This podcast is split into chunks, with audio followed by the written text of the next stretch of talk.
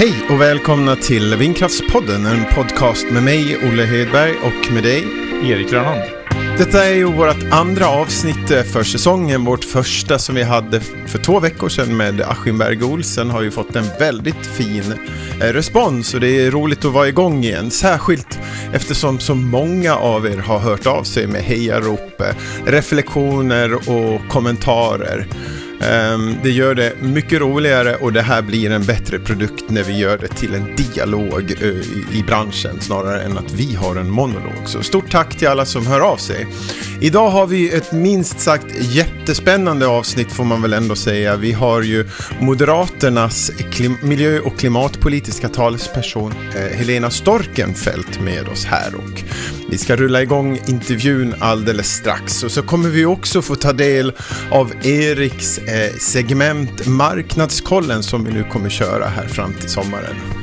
Så det är mycket spännande på gång idag får man väl säga. Men eh, ja, vi får väl... Hur är läget med dig Erik? Ja, men det är jättebra tycker jag. Det är, man känner ju att det börjar bli ljusare ute och, och gå mot vår. Jag tycker alltid att det är skönt när man börjar märka det här på, på morgon och eftermiddag. Ja, jag håller helt med. Alltså, det, har, det har varit en lång och mörk och kall vinter. Men eh, ja, jag brukar säga pang säger det så är det sommar. Det säger jag alltid till min fru här. Så att eh, pang säger det och det gör det. Snart är det gröna löv och man är stressad över att man inte har hunnit komma i form till beach 2024. Det var ju sig länge sedan man lyckades med det, men, men ändå. Men du, ska vi köra igång med marknadskollen här? Eh, vad har du att bjuda på, Erik? Det har hänt mycket på eh, vindkraftsmarknaden i början på det här året, men eh, vi tänkte att vi håller oss till tre nyheter. Eh, och eh, den första, det är att den så kallade High Coast-portföljen, eller Cabeco-portföljen, har tecknat turbinkontrakt med Nordex. Och eh, det gäller 80 vindkraftverk i främst Kramfors kommun men även några vindkraftverk i Sollefteå. Och det eh, Turbinorden eh, gäller 553 megawatt med leverans 2025.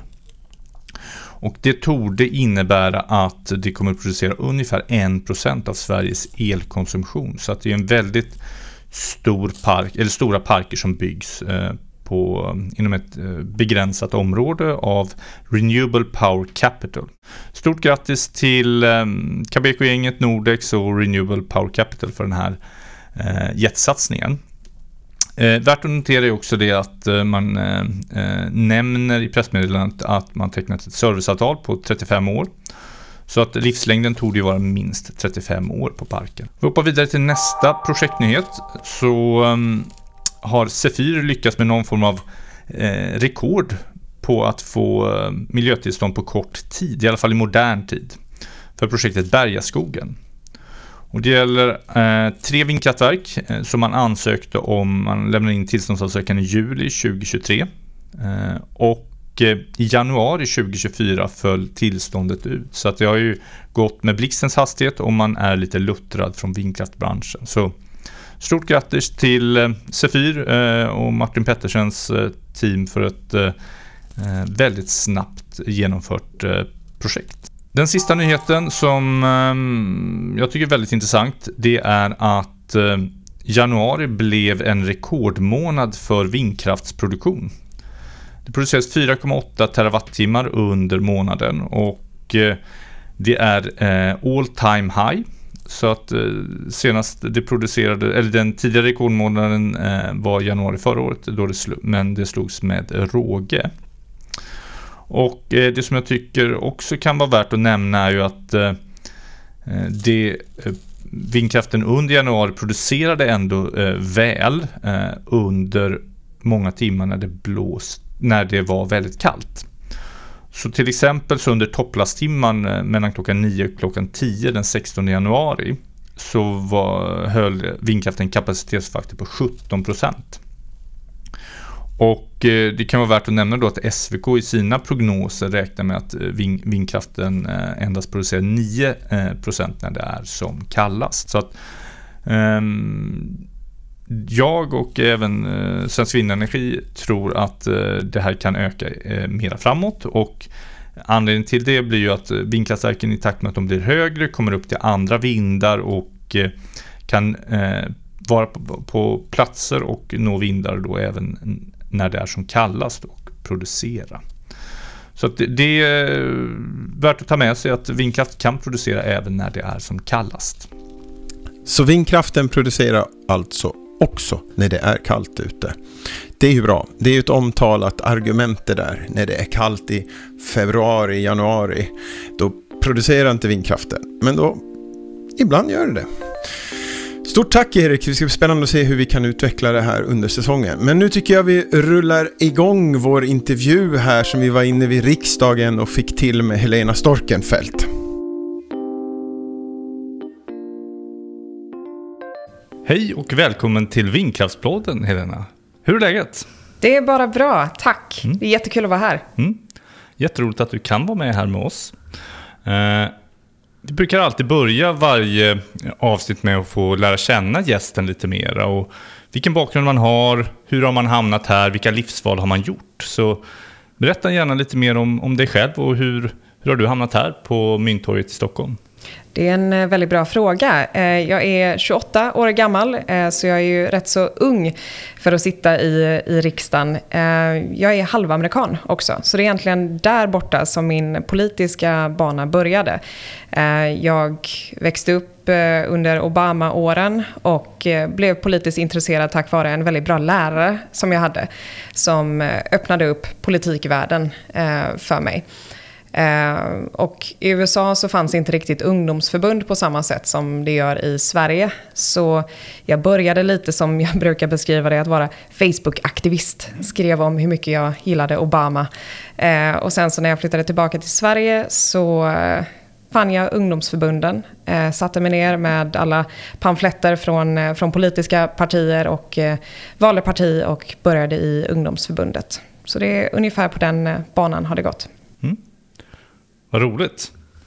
Ja, ja men eh, vi, ehm, det är många i vår bransch som är väldigt positiva och förväntansfulla här nu. Många satt och tittade på Moderaternas partistämma i oktober och inte minst på kanske ditt anförande som eh, ja, men många såg på det väldigt positivt, att det finns tydliga ambitioner. Eh, sådär.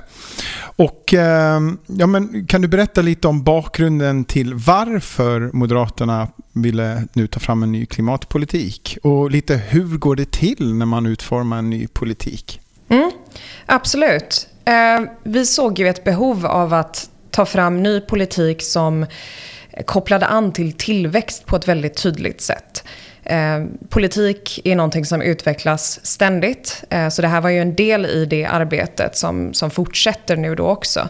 Men eh, det väldigt, var väldigt viktigt för oss att utveckla en klimatpolitik som gick hand i hand med både verkligheten och se till så att vi hade tillväxt som, Eh, som ambition. Vi vill vara ett grönt föregångsland men för att det ska vara möjligt så måste vi se till att, att tillväxt är en, eh, är en del av det. Annars kommer inget annat land i världen vilja följa efter vårt exempel. Så det var någonstans där som vi eh, började och vi utformade ju politiken eh, också utifrån vilka frågor är högst upp på agendan just nu. Och där har vi ju vindkraften som en av de hetaste frågorna som, som togs upp under vår partistämma. Eh, men hur man utvecklar ny politik, det, det görs ju ständigt. Eh, men just det här projektet så var vi en stor grupp på omkring 30 personer från hela landet eh, som var i en, i en arbetsgrupp. Vi hade representanter från kommuner, regioner, från riksdagen, eh, från regeringen och vi hade tjänstemän på, på plats då. Eh, och så gick vi igenom område för område. Vilka områden behöver utvecklas? Hur kan vi eh, bli bättre? pratade med branschorganisationer, företag, lärde oss. Eh, politik utgår väldigt mycket från, jag brukar säga att att vara politiker är ju inte att vara expert, utan man är representant. Och för att vara en god representant så måste man ständigt lära sig nytt. Eh, så det är i stort så det, det går till. Sen skickas en rapport till partistyrelsen som sedan gör den till en proposition som vi tar upp på partistämman. Och vad innebär den här nya politiken lite mer konkret? Vilka är de viktigaste delarna? Ja, vindkraften var ju en av de eh, viktigaste delarna. Att vi faktiskt satte ner foten i vindkraftsfrågan. Eh, jag tror att många gånger så har Moderaterna uppfattats som ett parti som är emot vindkraft. Vi ville se till att, eh, att vi utvecklar en politik som eh, som inte stödde den eh, bilden av Moderaterna som parti i alla fall. Eh, vi är teknikneutrala, vi är ett hoppfullt parti eh, och det var också det som var väldigt viktigt att det fick genomsyra vår partistämma.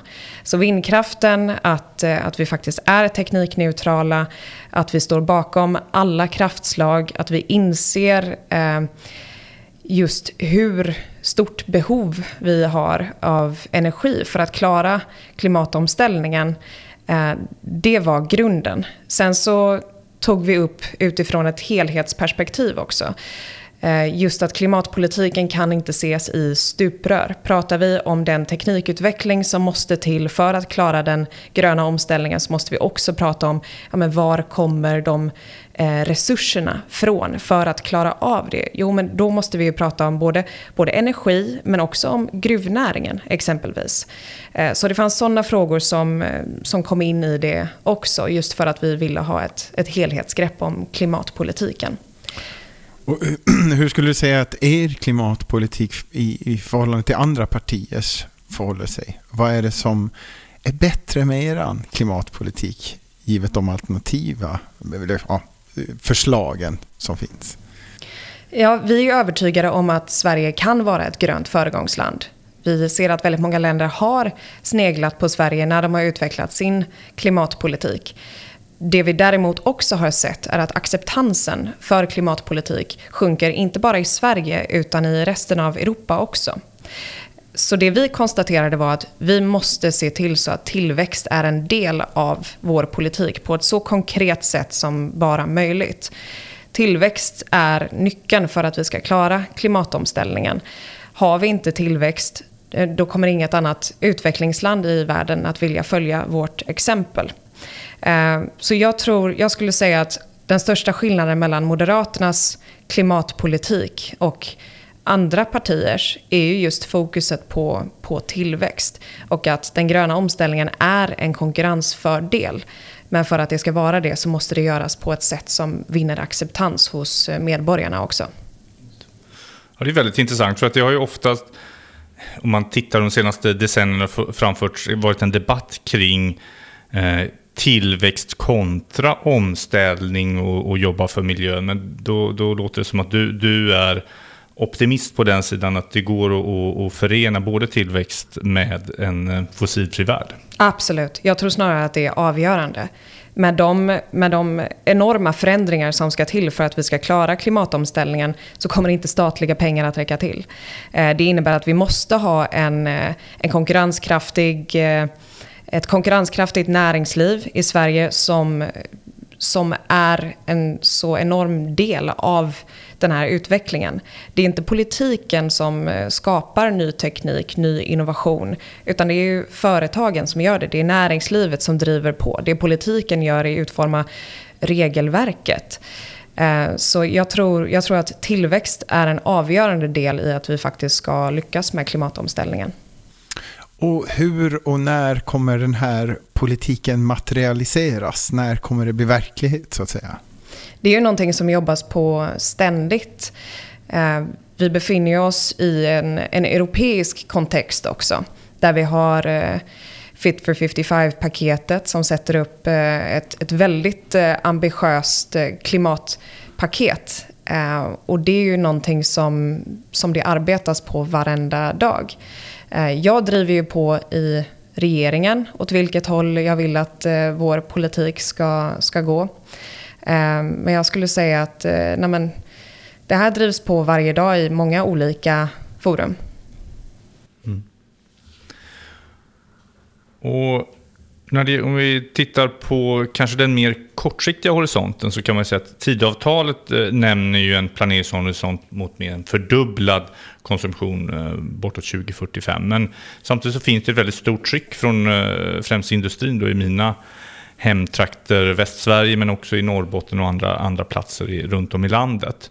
Och hur, hur ser du på eh, den här möjligheten att snabbt växla upp både nyproduktion och effekt eh, på kort sikt? Har ni några särskilda eh, mål när det gäller för att få igång det här snabbt?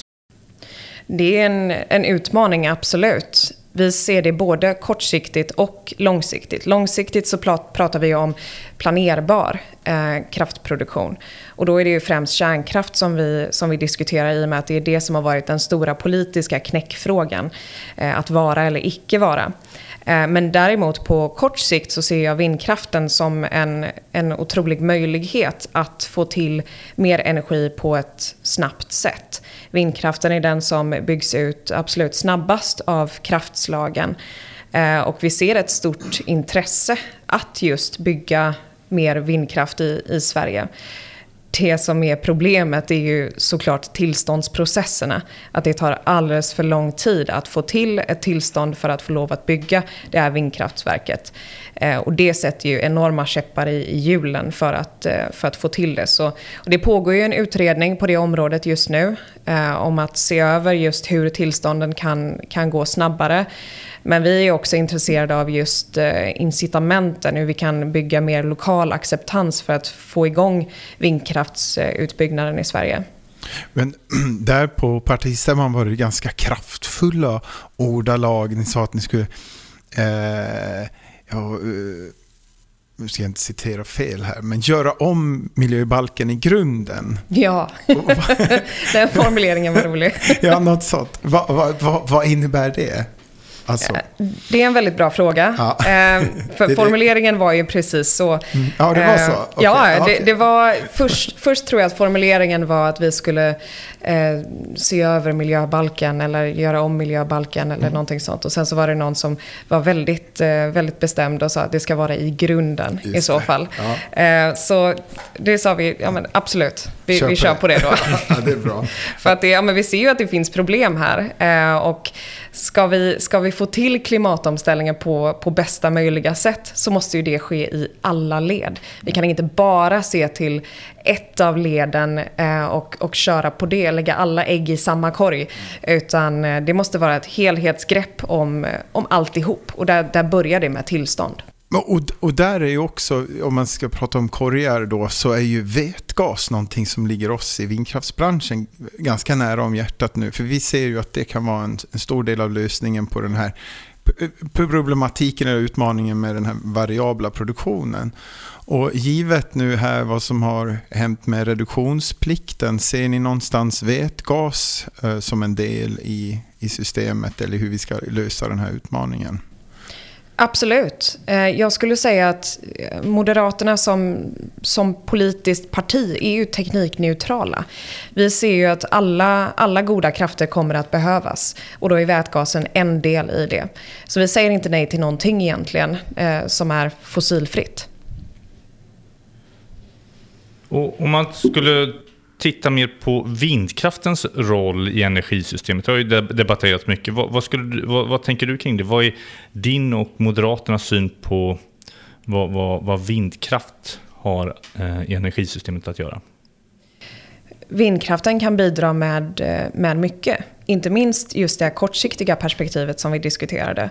Eh, jag tror vi ser många Alltså tekniken utvecklas så otroligt fort. Eh, inte minst inom just eh, vindkraftsbranschen. Det finns ett stort intresse jag ser stor potential inom, eh, inom vindkraftsbranschen i, i Sverige. Och jag tror att det är en väldigt viktig del av vårt energisystem. Sen så fokuserar ju vi såklart på att bygga ut just kärnkraften för att, ja men som jag sa tidigare, det är det som har varit en, en knäckfråga i politiken. Um, och vår sida måste vara så tydlig som, som vi bara kan när det kommer till den planerbara produktionen. Däremot så, så ser jag att vindkraften spelar en, en väldigt stor roll. Det håller på att bli um, större än vattenkraften i, i just kraftproduktion eh, i Sverige. Eh, och då, då bär man ju ett stort ansvar också i just hur stabil den, eh, den kraften är.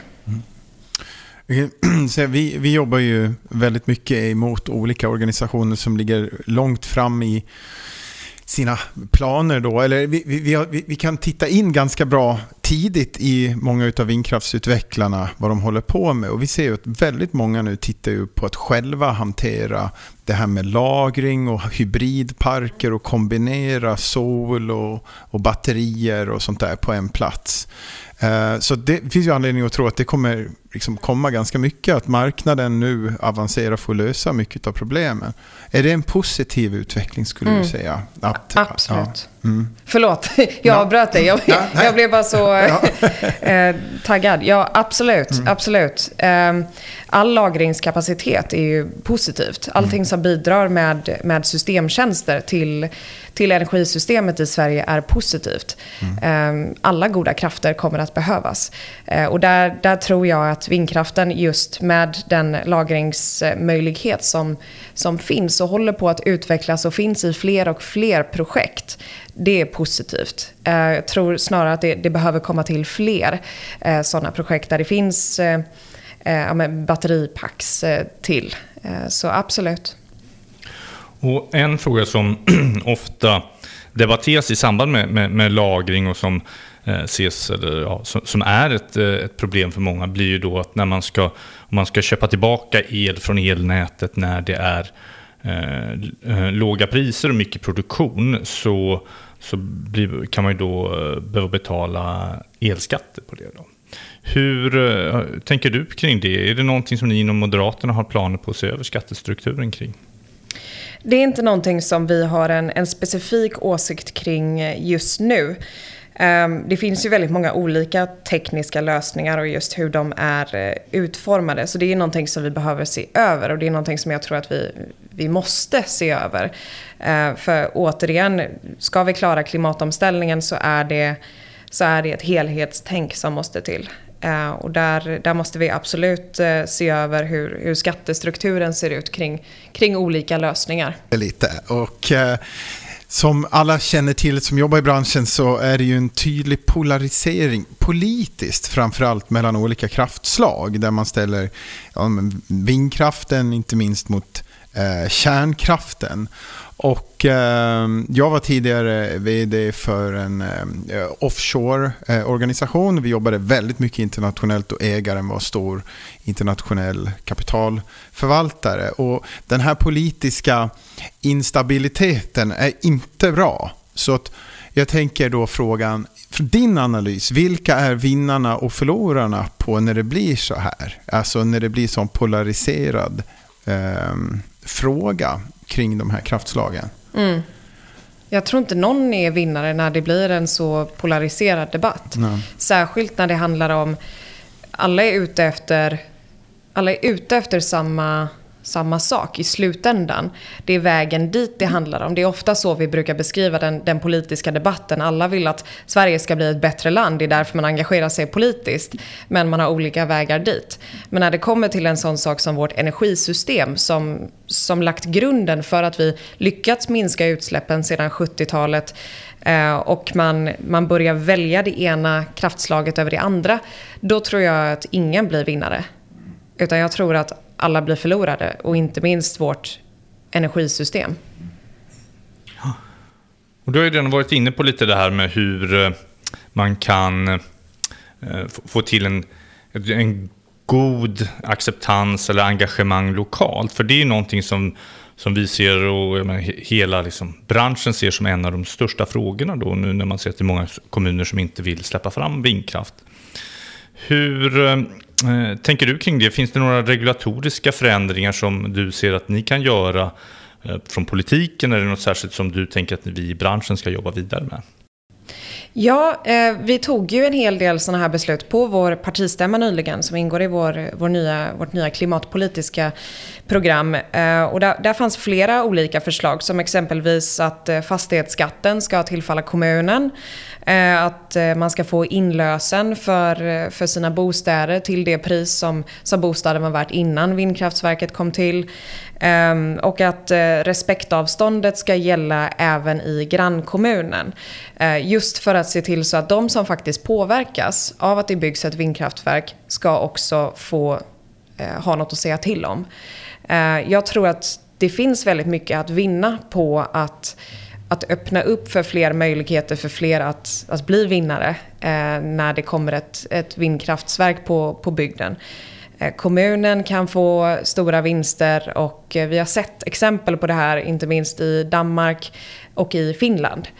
Eh, så det är det vi har sneglat på och eh, ser att det, det finns absolut eh, saker som vi behöver göra här. Men ni är inte oroliga där att om man nu öppnar upp också för grannkommunen och om tiden är en kritisk faktor, att det riskerar att ytterligare fördröja de här processerna? Eller tänker ni då att det ska inte läggas som en, en, en sakägare till, en kaka till på, på eh, ja, tårtan? Eh, ni kommer ju att göra det på något annat sätt. För det är det jag tänker från ett utvecklat perspektiv. Ju fler sakägare, desto längre tid tar det. Mm. Vad tänker ni där? Jag tänker att eh, en del i det här är ju också att vi vill att vetot ska komma fram så, så snart som bara möjligt. Mm. Kommunen ska fatta beslut så snabbt som bara möjligt. Mm. och då har vi skrivningar om att det ska finnas tillräckligt med information att tillgå för kommunen tillräckligt tidigt i processen för att kunna fatta det beslutet. Um, idag så är det ju redan så att eh, grannar får, får någonting att säga till om. Eh, men vi vill att det ska cementeras mer konkret. Att just med det här respektavståndet, att den som påverkas i grannkommunen också ska ha någonting att säga till om. Eh, för det är viktigt, för jag tror att det största, det bästa man kan göra för att öka utbyggnaden av, öka takten av utbyggnaden av vindkraft i Sverige är ju just att öka den lokala acceptansen. Och det tror jag att man gör genom att, att vara mer transparent. Eh, och se till så att det finns fler vinnare och att eh, fler blir inkluderade tidigare i processen. Det tror jag är det bästa sättet att gå tillväga.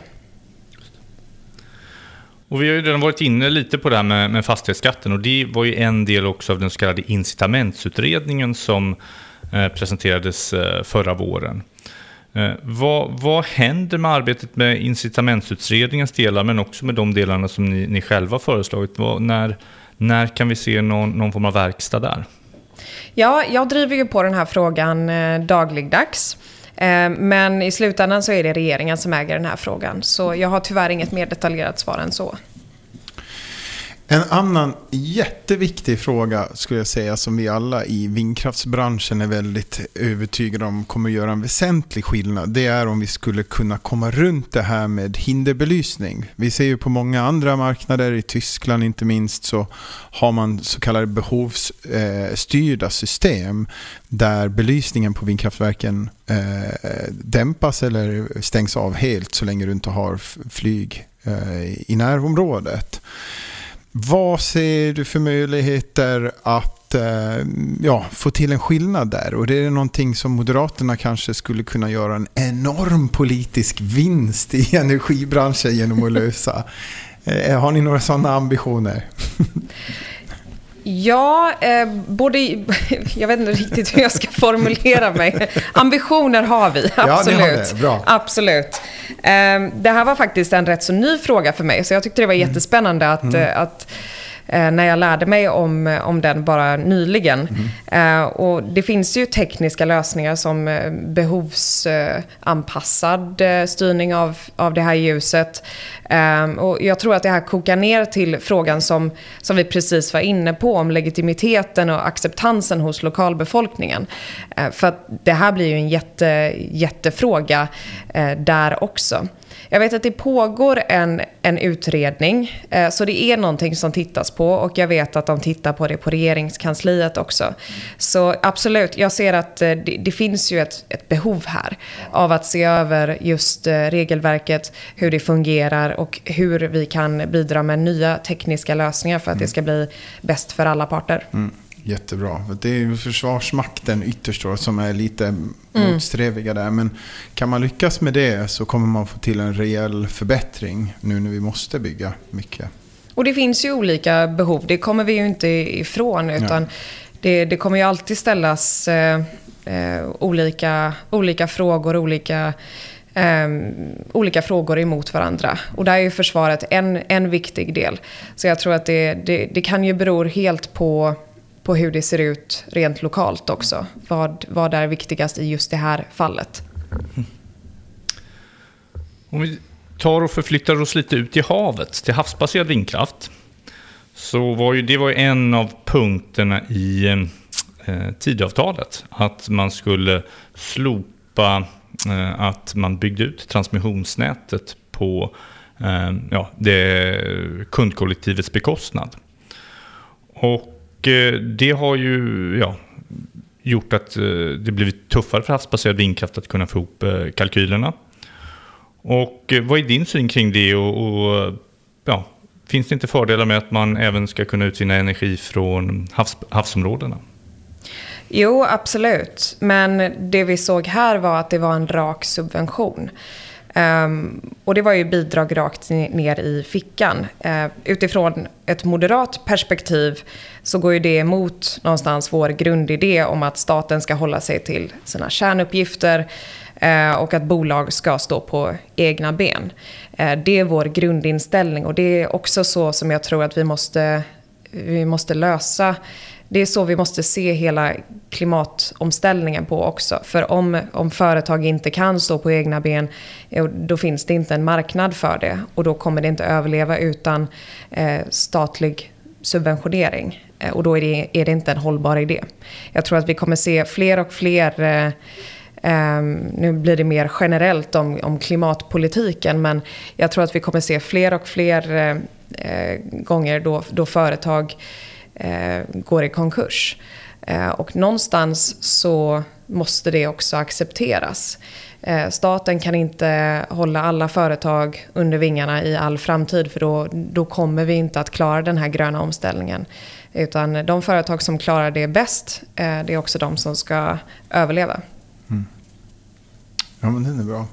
Vi kan ju bara kommentera lite vårt perspektiv på det. Absolut.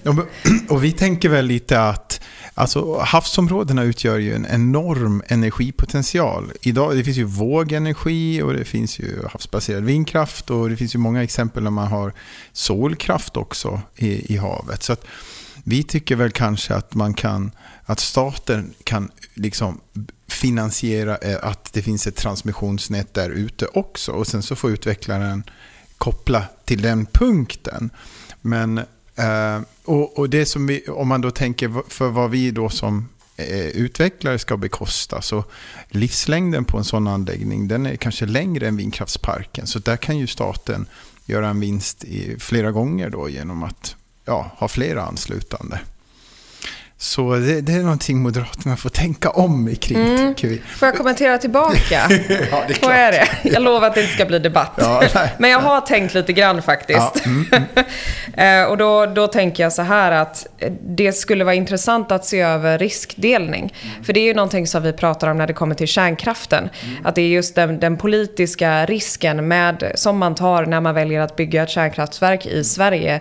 I och med att det har funnits sån stor politisk osäkerhet säkerhet. Jag tror att det finns en större politisk säkerhet kring eh, havsbaserad vindkraft eller ett, eh, ett landbaserat vindkraftverk, att låta det stå kvar. Men just kring kärnkraften så finns det den här politiska osäkerheten vilket gör att det blir högre ränta för kärnkraftverken och, eh, och då, då har ju vi gått ut med att vi vill ha en en riskdelning.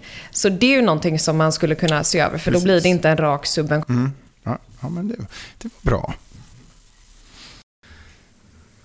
Och om vi fortsätter här med, med havsbaserad vindkraft, då ser vi att det är flera stora havsbaserade projekt som nu ligger på regeringens bord och eh, några, några har ju också fått, fått tillstånd. Eh, har du några insikter i när det kommer eh, komma ut någonting därifrån? Har du några ingångar på regeringen så att du, du hör någonting om det är något på gång?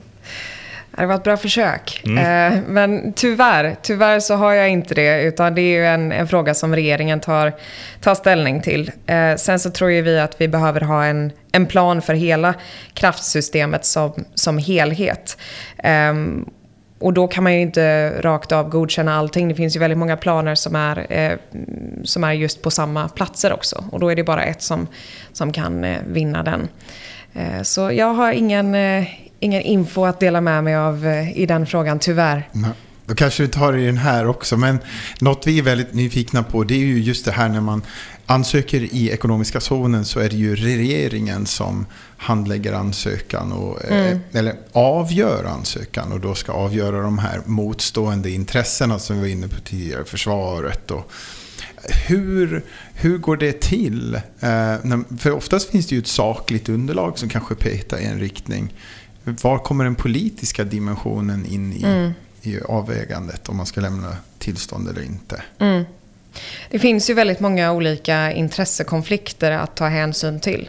Och där tror jag att politiken spelar en, en väldigt viktig roll i just det hänseendet. Vissa gånger så måste försvaret komma först, andra gånger så är det kraftproduktionen som måste komma först. Och, och det är inte så lätt att bara skriva lagar som tar ställning till alla olika lägen och vad som måste komma först i just det fallet eller på den platsen. Eh, så jag tror det är, jag tror det är viktigt att, eh, att man just har det i, i beaktning, att det finns olika intressekonflikter och där, där är det viktigt att, eh, att politiken också spelar in. Och vi har ju redan varit inne lite på det här med flera projekt på samma plats. Och nu pågår ju flera utredningar kring regulatoriska frågor där, kring havsbaserad vindkraft. Och en eh, sådan fråga man tittar på är ju den här om Sverige eh, nu ska införa ett så kallat auktionssystem. Det är många andra länder som har infört det eh, och där det i alla fall tidigare har rullat på rätt bra men som nu har lett till rätt stora problem i branschen med bolag som har hoppat av och det blivit mycket dyrare och så vidare. Vad är din syn på ett auktionssystem? Ja, i grunden så ser vi ett behov av att, eh, av att förändra det svenska systemet. Någonting som vi har pratat om i, i vår nya klimatpolitik som vi tog på partistämman var att, att göra en nationell översyn av platser som, där det skulle passa mer eller mindre bra att bygga just havsbaserad eh, vindkraft. Eh, så jag tror att det är en väldigt viktig del i det hela, att man pekar ut områden där vindkraft kan prioriteras eh, och där det snarare kan gynna branschen i den svenska kontexten. Eh, och då minskar man ju problematiken med att olika intressen ställs mot varandra, olika projekt ställs mot varandra, man måste göra flera olika prövningar på samma ställen. Ehm, jag tror att det skulle minska byråkratin, kostnaderna. Eh, jag tror det hade varit bra, plus att vi har sett goda exempel på det runt om i världen.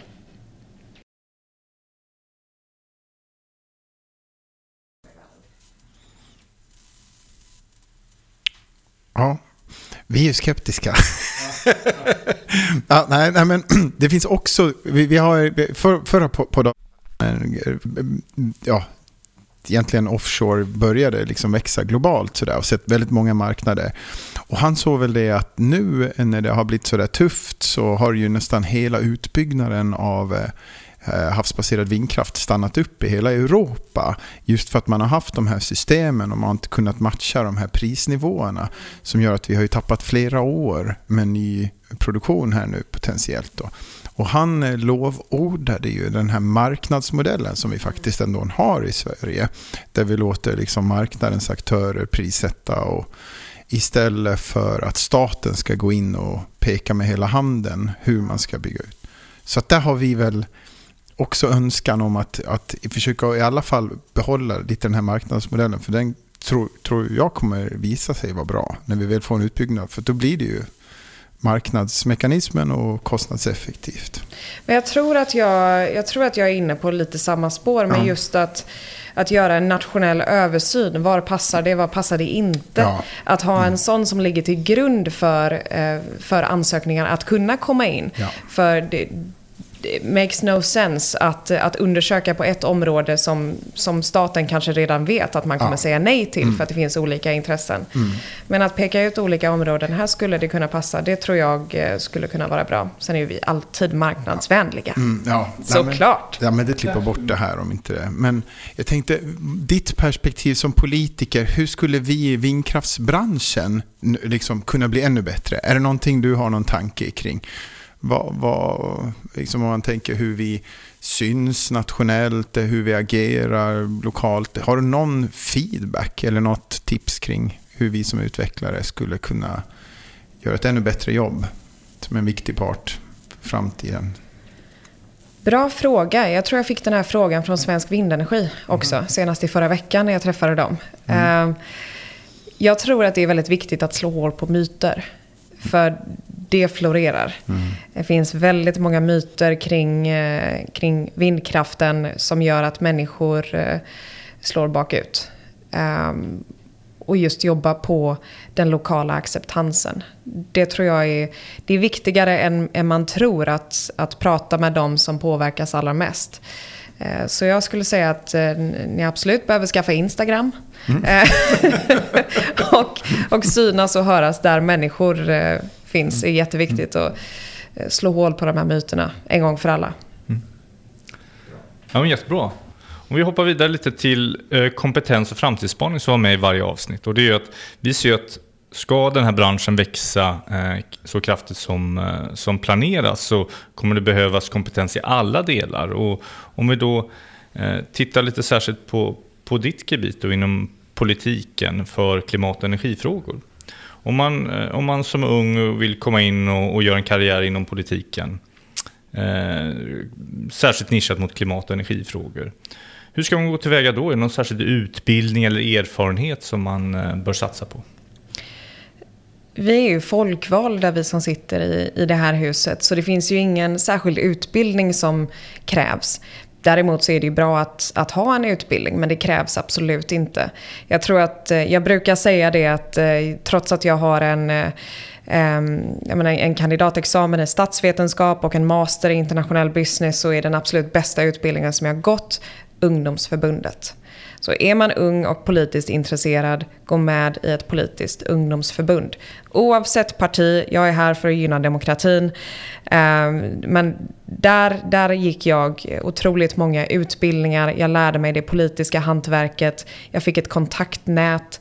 Otroligt värdefullt. Och jag tror även om man, om man väljer att lämna politiken så är den utbildningen, den kompetensen som man får genom ett ungdomsförbund eh, är otroligt värdefullt. Jättebra. Uh, och jag tänker, du var inne på det här början, du är 28 år och mm. har ju ett väldigt stort och fint uppdrag här. För i, uh, och, ja, men, hur hamnar man där? Har du något tips för unga personer?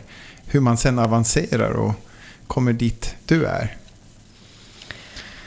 Bra fråga. Jag tror att ehm, eh, både min styrka och svaghet har varit att jag inte kan säga nej jag tycker saker är så himla roliga att jag, jag kan inte säga nej till saker. Och då kan det bli lite för mycket men, eh, men jag har tackat ja till, eh, till nya utmaningar.